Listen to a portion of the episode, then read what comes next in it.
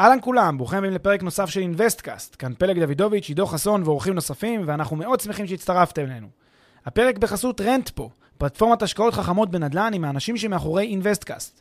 רנטפו מאפשרת לכם להשקיע בשקיפות וביעילות בנכסים מניבים, תוך ליווי וניהול מוקפד ומקצועי מקצה לקצה.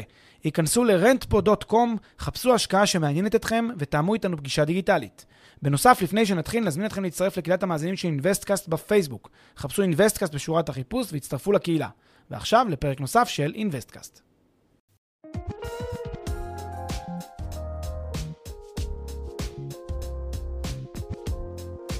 אהלן, אנחנו בפרק מספר 58 של אינוויסטקאסט, אהלן פלג, מה העניינים? מה קורה, עידו? מצוין. Uh, היום אנחנו נדבר uh, על המנגנון הכלכלי שעומד uh, מאחורי תעשיית הביטוח ועל תעשיית הביטוח uh, uh, באופן כללי, אבל אנחנו נרצה להתמקד uh, ספציפית בבעיה שמטרידה את uh, כל המבוטחים כמעט uh, בלי יוצא מן הכלל, והיא מה שקרוי uh, אצלנו uh, שיטת uh, המצליח של חברות הביטוח. אז uh, פלג, בוא נתחיל עם קצת uh, רקע כללי. איך בכלל עובד ביטוח? מה זה ביטוח? אוקיי, okay, ביטוח זאת אה, אה, פעילות שבה יש לנו קבוצה אה, גדולה של אנשים, אה, וחברת ביטוח, אה, בואו נניח נעשה מודל שיש רק חברת ביטוח אחת לצורך המחשה, אה, וקבוצה גדולה של אנשים בעצם אה, אה, חיים את החיים שלהם, ומה לעשות, לפעמים קורים אה, נזקים, קורות אה, תאונות, אה, פציעות, מוות חלילה, קורים דברים לא נעימים לאנשים. אה, וכשזה המצב, לפעמים מה שבן אדם צריך כדי אה, להתמודד עם, ה, עם המאורע שקרה לו, הוא צריך כסף. עכשיו, הכמות כסף שהוא זקוק לה היא כמות כסף גדולה. אה, והאינסידנט, כן, או, הת, או התקרית שקרתה לו, היא יחסית נדירה, יחסית עניין סטטיסטי שהיה, כן, מה שנקרא, יתרה מזלו, בחוסר מזלו, קרה לו אותו, אותה תקרית ביטוחית שבדיעבד אה, הוא זקוק לכסף, אה, כן, באופן מיידי ו- ו- וכסף גדול. כסף שיכול להיות שהוא אפילו לא יכול לחסוך אותו כל חייו מרוב שהכסף הזה הוא גדול, מיליונים גדולים. ובמובן הזה, הביטוח הוא מנגנון מאוד חכם, שאומר, תשמע, מאחר שיש המון אנשים שרוצים איזושהי הגנה מפני אותן אה, תקריות שיום אחד הם יצטרכו כסף במכה, אז כל אחד מהם יכול בעצם להשתתף, לשלם איזשהו תשלום שהוא תשלום נמוך. מאוד באופן יחסי, ובעצם לפזר את הסיכון אה, בינו לבין כל שאר המשתתפים האחרים. כולם בעצם מתחלקים בסיכון הזה שיקרה לאחד מהם. עכשיו, זה בטוח יקרה למישהו מהם, כי זה הסטטיסטיקה. כי הסטטיסטיקה במספרים הגדולים עובדת. אה, ואז מי שזה קרה לו, הוא יקבל מצנח זהב כזה במרכאות, שיעזור לו להיחלץ מאותה בעיה, או לפצות את עצמו, לשפות את עצמו על הנזק שקרה לו. אז כולם בעצם משתתפים, כולם מסבסדים את אותו אחד שאיתרע מזלו וקרה לו הדבר הזה. ואז, אם מסתכלים על זה במונחים כלכליים, אה, כולם בעצם בעסקת אדישות כזאת. כולם בעצם בעסקה שטוב להם איתה. אה, כאילו, אדישות או טוב להם איתה. כי הם אומרים, אני אשלם כל החיים את, ה, את, ה, את אותו תשלום שאני צריך לשלם, אני אסע, אסבסד בעצם את אותו אחד שזה קרה לו, ואקווה שזה לא יקרה לי. וגם אם זה יקרה לי, אז יש לי את אותו מצנח זהב במרכאות שאני אקבל אותו, שיעזור לי לצאת מזה ב, ולעבור את זה בצורה יחסית, אה, יחסית אה, בסדר. אז זה בעצם המנגנון של ביטוח, מעין השתתפות של קבוצה של פרטים בנזק או אירוע תאונתי שיקרה רק לאחד מהם. כן, חלוקת סיכונים וסבסוד, בגדול. לגמרי. אוקיי, אז... Uh... מה זה פוליסת ביטוח? בואו נהיה יותר קונקרטיים. פוליסת ביטוח שלי יש מול חברה. פוליסת ביטוח היא כבר הסכם אה, שיש לכל אחד מאותם אה, יחידים מול אותו גורם מבטח, מול חברת הביטוח שנותנת להם את, ה, את השירות הזה של בעצם את אה, מצנח הזהב הזה. אה, בעצם אה, אה, כדי שאפשר יהיה לעשות מנגנון שבו יהיה כסף שנוחת עליי כשקורה לי חלילה אירוע, אה, אירוע ביטוח, אז צריך מישהו שינהל את זה, צריך מישהו בצד השני, והצד הזה זה המבטח, זה חברת הביטוח. עכשיו, הדרך לעשות את זה היא בדרך חוזית. אני עושה מול חברת הביטוח הסכם חוזי, לא רק אני, גם אתה וגם הוא וגם היא וגם הם, כולם עושים מול חברת הביטוח הסכם חוזי, וההסכם הזה זה הסכם רגיל, שירות שאני קונה מחברת הביטוח. ההסכם הזה נקרא פוליסת הביטוח. פוליסת הביטוח זה הסכם שכולל את כל תנאי הביטוח, את התנאים שבהתקיימם אני אקבל את מצנח הזהב הזה, את התנאים שאני צריך לעמוד לאורך תקופת הביטוח כדי שאני אהיה זכאי אם יקרה לי האירוע הביטוחי, לקבל את אותו, את אותו תשלום, אה, ומה אני צריך לעשות, מה המחויבות שלי ומה המחויבות של חברת הביטוח. כל מיני סייגים לתכולה, כל מיני פטורים, כל מיני אירועים שבהם אם אני, אם אני עושה משהו אז אני התרשלתי בעצמי, לכן חברת הביטוח לא חייבת באחריות. כל מיני דברים שאני צריך לעמוד בהם כדי שאני בכלל אהיה זכאי. זה פוליסת הביטוח זה בעצם ההסכם שמכונן את הזכאות שלי אה, מול חברת הביטוח עצמה. יפה, וחברת הביטוח היא בעצם, אם, אם תרצה, הגורם המתכלל של כל הסיפור הזה, הגורם המחלק, הגורם המנהל, הגורם מול שעוזר... מול כל היחידים, מול, מול כל, כל הפרטים. היחידים, ממש מייצר, מצליח לייצר את המנגנון הזה, שאילולא הוא, אף אחד אחר לא היה מצליח לכונן אותו מהפרטים, כן? לא הייתה כנראה, ככל הנראה, קבוצה של 100 פרטים באה ועושה בינם לבין עצמם מנגנון ביטוחי, אולי בקיבוצים וכל מיני רעיונות מה, לא יודע, מהמאה הקודמת. אה, ובהיקפים קטנים. אה, אבל בואו נתמקד קצת יותר במנגנון עצמו של הביטוח, מונחים כמו תוחלת, אה, פרמיית ביטוח, מושגים הכרחיים אחרים, כדי להבין את המנגנון יותר לעומק. יפה, אז באמת הדבר הראשון שצריך לקפוץ לראש זה מונח התוחלת, מונח שהזכרנו אותו אגב באינבסטקאסט, אבל נעשה איזושהי תזכורת, כי עכשיו הוא ביתר סט חשוב לנו. תוחלת זה בעצם אה, הבאה למונחי זמן של היום של מאורעות עתידיים. אה, לא במובן של היוון, אלא במובן של אי-הוודאות. אה, כשיש לי איזושהי, איזשהו תרחיש, איזשהו מאורע שקורה בעתיד, ויש לו outcome, איזושהי אה, תוצאה שהיא לא ודאית מבחינתי היום, אז, אה, אז יש לו עדיין איזושהי הסתברות שהוא יקרה. כן, אה, אפשר לומר אולי הסתברות נמוכה, אולי הסתברות, לא הסתברות גבוהה, אבל יש עדיין הסתברות מסוימת שהוא יקרה. עכשיו, תוחלת זה אותו מכשיר, אותו כלי שבאמצעותו אני יכול לתמחר על בסיס ההסתברות של אותו מאורע, כמה שווה לשלם על זה, כמה שווה לקנות את הדבר הזה. עכשיו בוא נניח שיש uh, סיכוי שאחד לחודש uh, יקרה לי איזה מאורע ביטוחי, שיגרום לי לנזק של, לא יודע מה, עשרת אלפים דולר. זה הנזק שיגרם לי, עשרת אלפים דולר, וזה אחד לחודש. עכשיו אומרים לי, תשמע, הסיכוי שיקרה לך המאורע הביטוחי הזה הוא 1%. אוקיי, אז במקרה כזה, לי שווה במונחי זמן של, כן, במונחים של תוחלת, שווה הדבר הזה 100 דולר. שווה לי לבטח את עצמי ב-100 דולר. מה זה אומר 100 דולר? זה אומר שאני בעצם משלם 100 דולר מוציא מהכיס, כי יש סיכוי של 1% שאם אני, זאת אומרת, אם אני לא עושה את זה, יש סיכוי של 1% שאני אסבול נזק של 10,000 דולר. ולכן, 10,000 דולר זה הנזק הגדול, 1% זו ההסתברות, אז מה שאני עושה, אני כופל את ה-1% ב-outcome הזה, ב-10,000, ומקבל 100 דולר. אז זאת אומרת, כדאי לי להגן על עצמי, כדאי לשלם 100 דולר, או קצת פחות לצורך העניין, כדי שאני לא אחשוף את עצמי לנזק של 10,000 דולר בהסתברות של 1%. אז תאכל את זה מין מחשבון כזה, מין כלי, שאני כופל את ההסתברות. בתרחיש עצמו כדי לקבל את התוחלת. אגב, אנקדוטה קטנה שלא קשורה לביטוח, אבל בהחלט קשורה לתוחלת, אני מוצא את עצמי לפעמים מחפש חנייה בתל אביב, בלילה. אני שואל את עצמי, החניון פה בצד גובה 20 שקל הלילה הזה. ואני יודע שהקנס, אם אני אחנה על אה, מדרכה שגם צבועה בכחול לבן, אבל אסור לי לחנות עליה, הוא 100 שקל. ואז אני שואל את עצמי, אבל רגע, מה הסיכוי, מה ההסתברות שפקח יעבור ב, אני לא יודע, 12 או 1 בלילה עד 7 בבוקר שאני יוצא שוב מהבית, וייתן לי דוח על הכחול לבן הזה שהנזק הוא 100 שקל. אני אומר, נגיד 10 אחוז. ושוב, התוחלת היא 10, כן, 10 אחוז כפול ה-100, 10, לעומת 20 שקל, שזה נזק של 100 אחוז של 20 שקל בחניון, אני בוחר לחנות על כחול לבן. והאמת, זה בדרך כלל עובד. בדיוק ככה, אה, אתה, אתה נתת דוגמה נפלאה, שגם אה, אני מלמד אותה בתחום של משפט וכלכלה הרבה פעמים, שמדברים נגיד על דיני עונשין, ושבעצם דיני עונשין אפשר, אתה יכול בעצם לקנות אה, זכות לבצע עבירות, אם אתה מעריך שההסתברות שתיתפס והקנס שיושת עליך נמוכים מהתועלת שמביא לך ביצוע עבירה. אז בהחלט נגעת פה בנקודה מאוד מעניינת, וזה אחד השימושים או אחד היישומים היפים לתוחלת. לצד כמובן נושא של uh, תחום הביטוח, שהוא כל כולו מבוסס על תוחלת.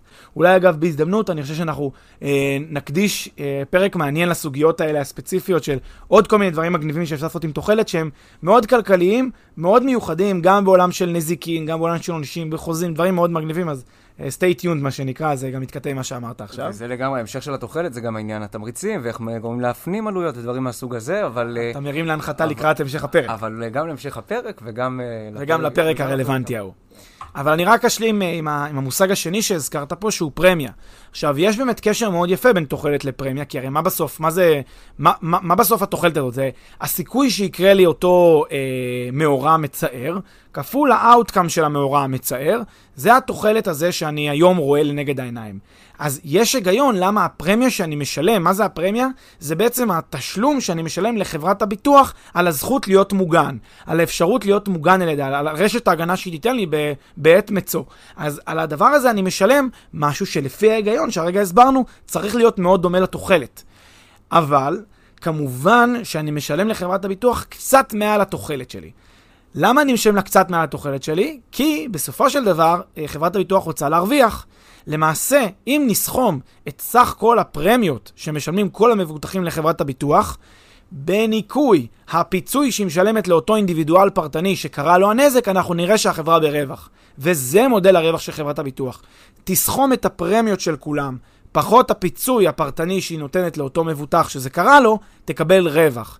אם החברה עשתה אקטואריה נכונה, אם היא עשתה תחשיבים נכונים ותהיה בטוח שיעשו, אז אתה תקבל מצב שזה בדיוק הרווח שלהם. לכן בעצם הפער בין הפרמיה של הביטוח לבין התוחלת האינדיבידואלית של כל אחד מהם לפני שקורה לו הנזק, זה פער שמשקף את, ה, את השירות שחברת הביטוח משלמת לאותו אה, מבוטח חודש בחודשו על הביטחון שלו. אגב, יש איזה מנגנון שמפקח על, אותו, אה, על אותה אקטואריה שחברות הביטוח עושות, כי לכאורה הן יכולות לקחת, כן, לא ליהנות רק מאותה פרמיה, אלא גם לייצר איזשהו מנגנון... אה, תוחלת שהוא לא נאמן למציאות, ולהרוויח עוד קצת רק מתוך התוחלת. זה נקרא מנגנון המחירים, מנגנון השוק. אם יש חברות ביטוח בשוק פעיל ומתפקד, תהיה תחרות ביניהם, ואז אתה באמת צודק, הפרמיה תתקרב לתוחלת. תלך ותתקרב לתוחלת.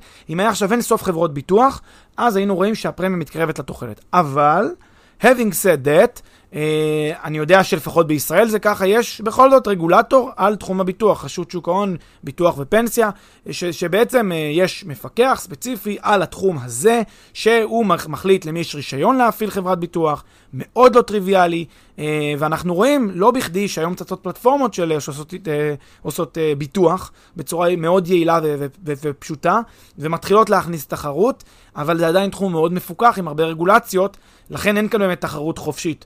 במהות, אם אפשר היה וכל אחד היה יכול להיות מבטח, היית רואה שהפרמיה וה... וה, וה כי בסוף תחשוב גם על הצד השני, מאיפה מגיע הרעיון הזה שלה לעשות uh, פיקוח, מזה שכדי שחברת הביטוח גם תעשה, uh, תוכל בעצם לעמוד בהתחייבות שלה ולא תקרוס, ושלך לא ייגרם בעיה, בעיה סוציאלית קשה מאוד, שאחר כך תתגלגל למדינה, המדינה באה ואומרת, תשמע, מראש אני קובעת שאני רוצה לראות שיש איתנות פיננסית לחברות הביטוח האלה, שהן עושות אקטואריה נכונה, שגם מגנה עליהן לכאורה מפני רצון לדרדר את התחרות הזאת למחיר עוד יותר זול, כי אז ימכרו לך יותר מדי בזול, הם לא יוכלו לכסות את הנזקים שנגרמים, ואז אנשים יישארו... אתה יודע, בלי כסף. אז, אז זה אומר, תמיד החשש והאיזון שלו של הרגולטור. אז אתה אומר, היומרה של הרגולטור מצד אחד לא לגרום לתחרות, אה, כן, אגרסיבית מדי, שתגרום אולי לחברות ביטוח ליפול ויחד איתם לכל המבוטחים שלה, ומצד שני לזה שיקבלו, אתה יודע, ייהנו מהרווח שלהם, אבל לא יתמחרו לא נכון את הסיכון. בדיוק דומה ליחס הרזרבה בבנקים, זה אותו רעיון כן. של באמת, אה, יש מפקח, רגולטור, שהתפקיד שלו זה לשמור על איזשהו רף שאסור לחרוג ממנו בטעמי תחרות. אה, שוב, טוב, לא טוב. כן יותר, יותר חופש, פחות חופש, תמיד זה השאלה של באמת מה מקומו של הרגולטור ועד כמה אנחנו רוצים אה, רגולציות.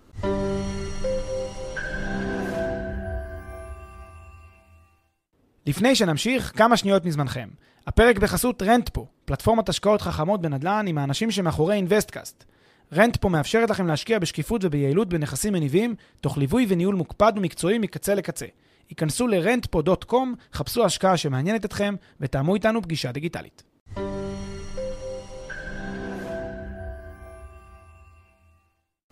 אוקיי, okay, אז עכשיו כשאנחנו uh, מיושרים על איך בגדול עובד ביטוח, מבינים את הרעיון, מבינים את המנגנון הבסיסי, uh, בואו נעשה fast forward לאירוע ביטוח של ממש, לתביעת ביטוח, uh, ואחר כך ניכנס לחלק המרכזי של הפרק הזה, שהוא כמובן הדרך שבה חברות ביטוח מתנהלות uh, uh, כשתביעות מגיעות לפתחן.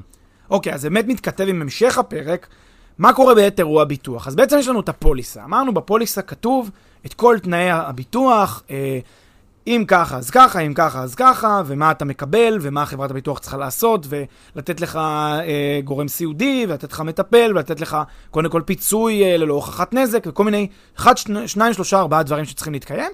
ומהצד השני יש גם את החובות שחלות עליך כמבוטח. אז א', לשלם את הפרמיות, ב', אה, לוודא שאתה לא מתרשל, ג', אה, אם זה נגיד ביטוח דירה, אז לוודא שהדירה נעולה, וכל מיני דברים, יש אזעקה, או כל מיני דברים מהסוג הזה.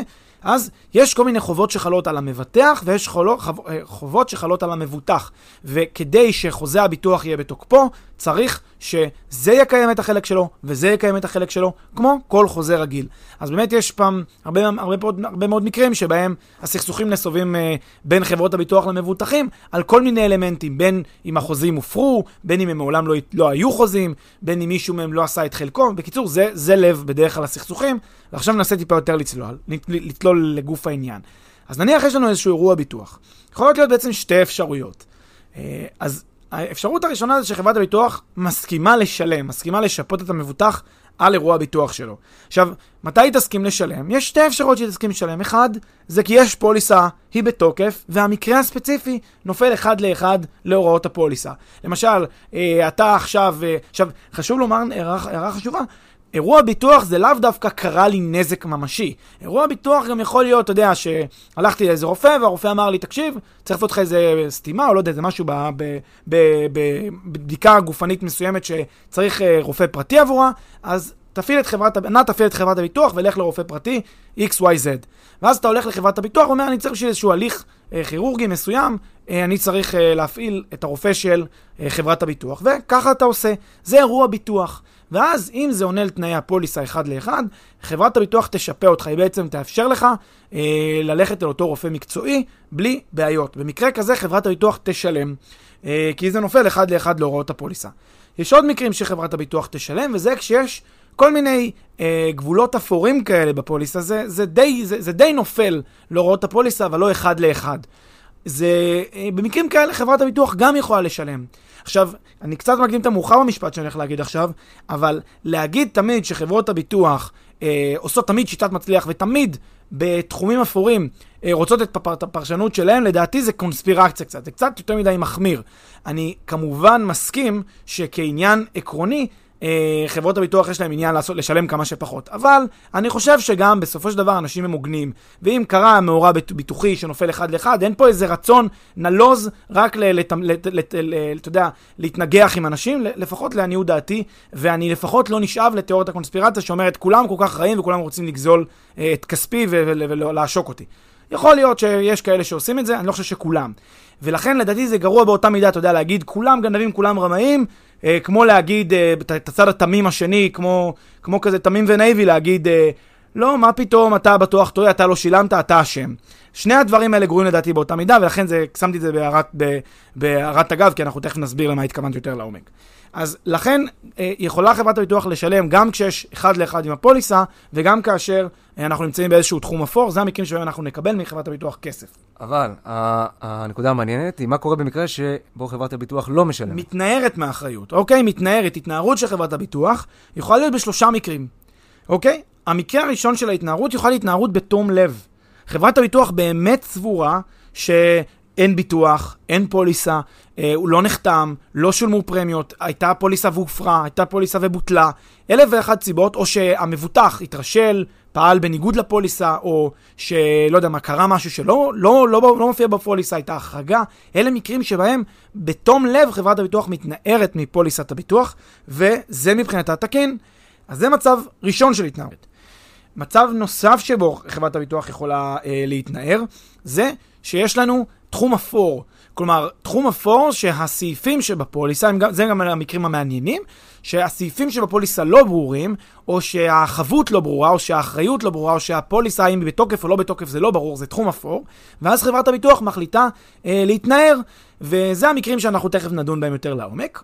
זה המצב השני שחברת הביטוח מתנערת. המצב השלישי שחברת הביטוח מתנערת, זה כבר בחוסר תום לב, זה כבר הקונספירציה שאמרנו קודם. אם היא רשעות לב, היא יודעת שיש לה אחריות, היא יודעת... בוודאות מוחלטת שהיא טועה כאן, אבל היא מתנערת בחוסר תום לב. עכשיו, אני לא יודע מה ההיקף של המקרים שבהם יש לנו שיטת מצליח בגלל שחברת הביטוח היא בתחום האפור של ההתנערות, או בתחום של החוסר תום לב של ההתנערות. אני לא יודע. הקונספירטורים בינינו יגידו, תשמע, תמיד חברת הביטוח תתנער, ותמיד היא עושה את זה בחוסר תום לב, ולא בתחום האפור. ואנשים אחרים, טיפה יותר נאיבים, יגידו, תשמע, מה פתאום? אף פעם היא לא עושה את זה בחוסר תום לב, תמיד היא תמת לב, ואולי זה תחום אפור פשוט, בגלל זה היא חושבת את מה שהיא... בגלל זה היא מתנערת. אני חושב שהאמת היא כנראה איפשהו באמצע. כנראה אנחנו נמצאים בין זה לבין זה, אבל ללא ספק המקרים המעניינים, אלה שגם מעוררים את האמוציות של שיטת המצליח, הם בדיוק בסיטואציה שחברת הביטוח מתנערת, וכנראה שהם חושבים שלא מסיבה טובה ההתנערות הזאת. עכשיו, אני, אני תוהה, כי uh, תראה, אם חברה, אני בתור אדם, uh, אני לא מגדיר את עצמי נאיבי, אבל גם אני לא חושב שאני uh, קונספירטור. ובכל זאת, לא מן הנמנע שחברות הביטוח מנצלות את העובדה שהמבוטח הוא לא שחקן מתוחכם, והוא לא רוצה להיגרר להליך משפטי, והוא לא מבין את המטריה, ולכן קל להן הרבה יותר לדחות תביעות שנמצאות, בוא נגיד, בתחום האפור שנוטה לטובת המבוטח, לא? מה שבעצם אתה אומר את הדבר הבא, תראה, יש, יש עלות מסוימת שנושא בה המבוטח, שגורמת לו, אה, או שמוטלת עליו, אם הוא יבחר להתעמת עם חברת הביטוח, על השאלה האם אה, ההתנערות שלה היא כדין או לא כדין. ומאחר שיש לו איזושהי עלות מסוימת, הרי לך תמריץ כלכלי לחברת הביטוח, אה, בעצם ל- ל- לשאוף יותר לכיוונים שבהם ההתנערות שלה היא בחוסר תום לב. כלומר, אה, היא תיטה לכיוון התנערות בחוסר תום לב יותר בקלות, בגלל שלך יש איזושהי עלות מסוימת בלשכנע שאתה הצודק כאן. זהו לב ליבה של שיטת המצליח. הטענה בשיטת המצליח, אה, וזה, אתה יודע, זה, זה מאוד, אה, מאוד, הרבה אנשים משתמשים בביטוי שיטת המצליח, אני חושב כאינטואיציה, לא תמיד הם שיגו את זה כמו שהרגע עשינו לדעתי, אבל הטענה בשיטת המצליח, אם מבינים אותה טיפה יותר לעומק, היא הטענה הבאה. בעצם חברת הביטוח עושה אה, עוד משחק של ביטוח על חשבון המבוטח. היא עושה עוד פעם משחק של gambling כזה, ש, שבו עוד פעם היא עושה אה, חישוב של תוחלת, ועוד פעם היא עושה חישוב של פרמיה. והיא יודעת שמתוך כל אותם מבוטחים שלה, שצודקים בעילת התביעה שלה, שלהם, רק חלק באמת ילכו ויממשו את הזכאות שלהם, בין כי הם לא יודעים, בין כי הם אה, לא מנוסים, בין כי הם אה, נאיבים, בין כי הם אין להם את המשאבים להתמודד, בין ובין מכל הסיבות האלה, ואז בעצם יש פה עוד איזה מין אה, פרצה קוראת לגנב, עוד איזו הזדמנות של לעשות כסף נוסף, כסף עודף, שהוא מוחרג מהמודל הביטוחי הרגיל, מוחרג מהאקטואריה הרגילה. אתה יודע, להתעלל בך, לא מספיק שיש לך את המאורע הזה, גם להתעלל בך עכשיו עוד תקופה, רק בגלל שאתה בסיטואציה הקשה הזאת, שאתה גם ככה אה, אה, עכשיו בסיט, במקרה סוציאלי מאוד קשה, אז, וחברת הביטוח אומרת, אתה, אני, אני אעשה את זה לכל המבוטחים שלי, את, לכ, לכ, לכולם כשאני יכולה, אני אתנהג אליהם בחוסר תום לב. כי אני יודעת שלא כולם יממשו את זה, ומי שכן יממש את זה, מי שכן ילך איתי, אז בסדר, אז uh, נאפשר לו, ניתן לו את מה שמגיע לו על פי חוק. זה גם ככה ייקח כמה שנים אחרי, גם ככה הכל יהיה אם וכאשר, והוא יצטרך להוכיח, והוא יצטרך לשכנע. בקיצור, היא מבינה, היא מנצלת את, את אותה עלות שציינת, את אותו פער ביכולת של אדם להשיג את מה שמגיע לו, היא נותנת את זה לטובתה, עושה עוד פעם משחק של ביטוח על, על הביטוח שהיא אמורה לתת לך. אבל תגיד, ובאותו משחק של ביטוח כזה מסדר שני, כן, אותו, אותו, אותה בדיקת תוחלת מסדר שני שתיארת עכשיו, חברות הביטוח לא לוקחות בחשבון, אני מניח שכן, מצד אחד, את האפשרות שהמבוטח מרמה אותם, כן, ואנחנו מכירים את כל החוקרים הפרטיים שעובדים חברות הביטוח ודברים מהסוג הזה, ומצד שני, לוקחים בחשבון שיכול להיות שאם הם הולכים צעד אחד רחוק מדי ודוחים תביעות ביטוח שברור שהיו צריכות להתקבל, אז בית המשפט ישית עליהם עלות אה, עודפת רק בגלל שהם ניסו את אותה שיטת מצליח.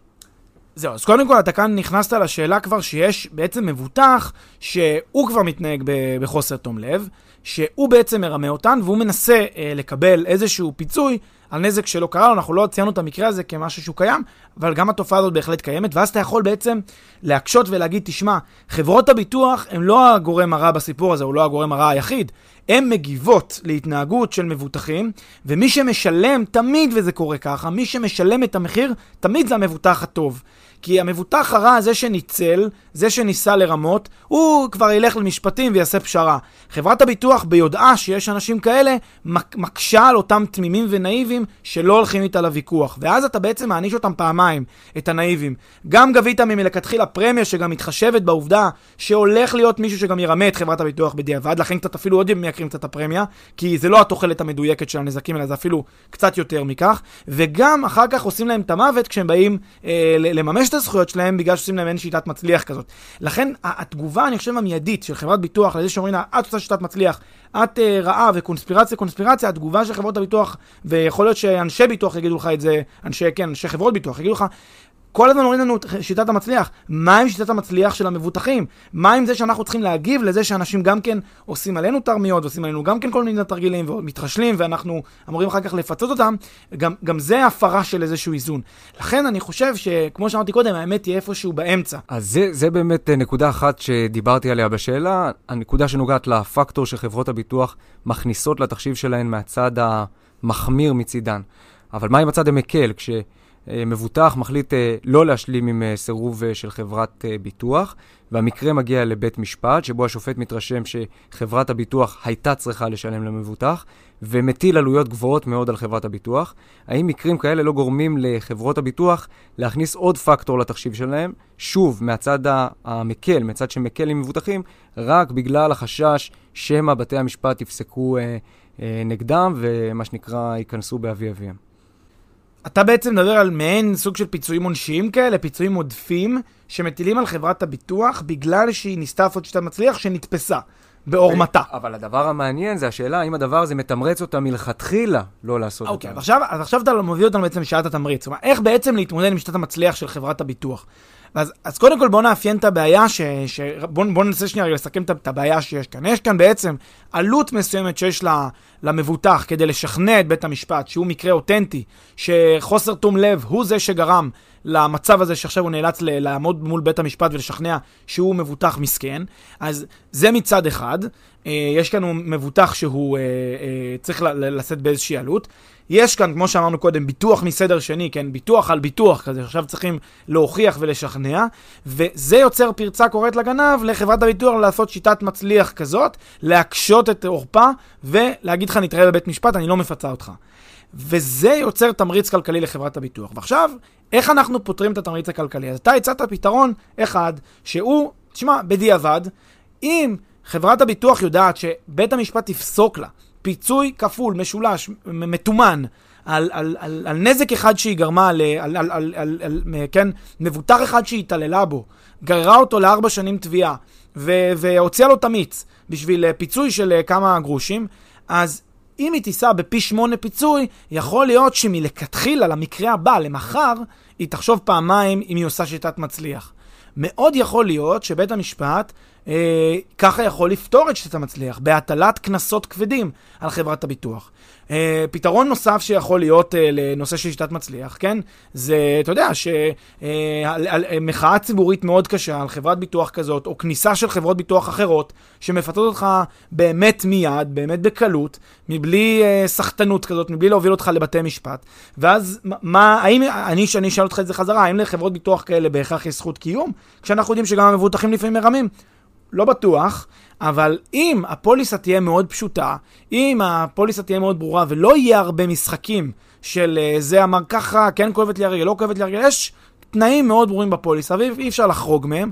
אולי יכול להיות שהמקרים האלה יצטמצמו, ואז תחרות בריאה בשוק תוביל למצב שלא יהיה יותר את ההונאות האלה של, uh, של חברות הביטוח. תודה, פרי. תודה, עידו.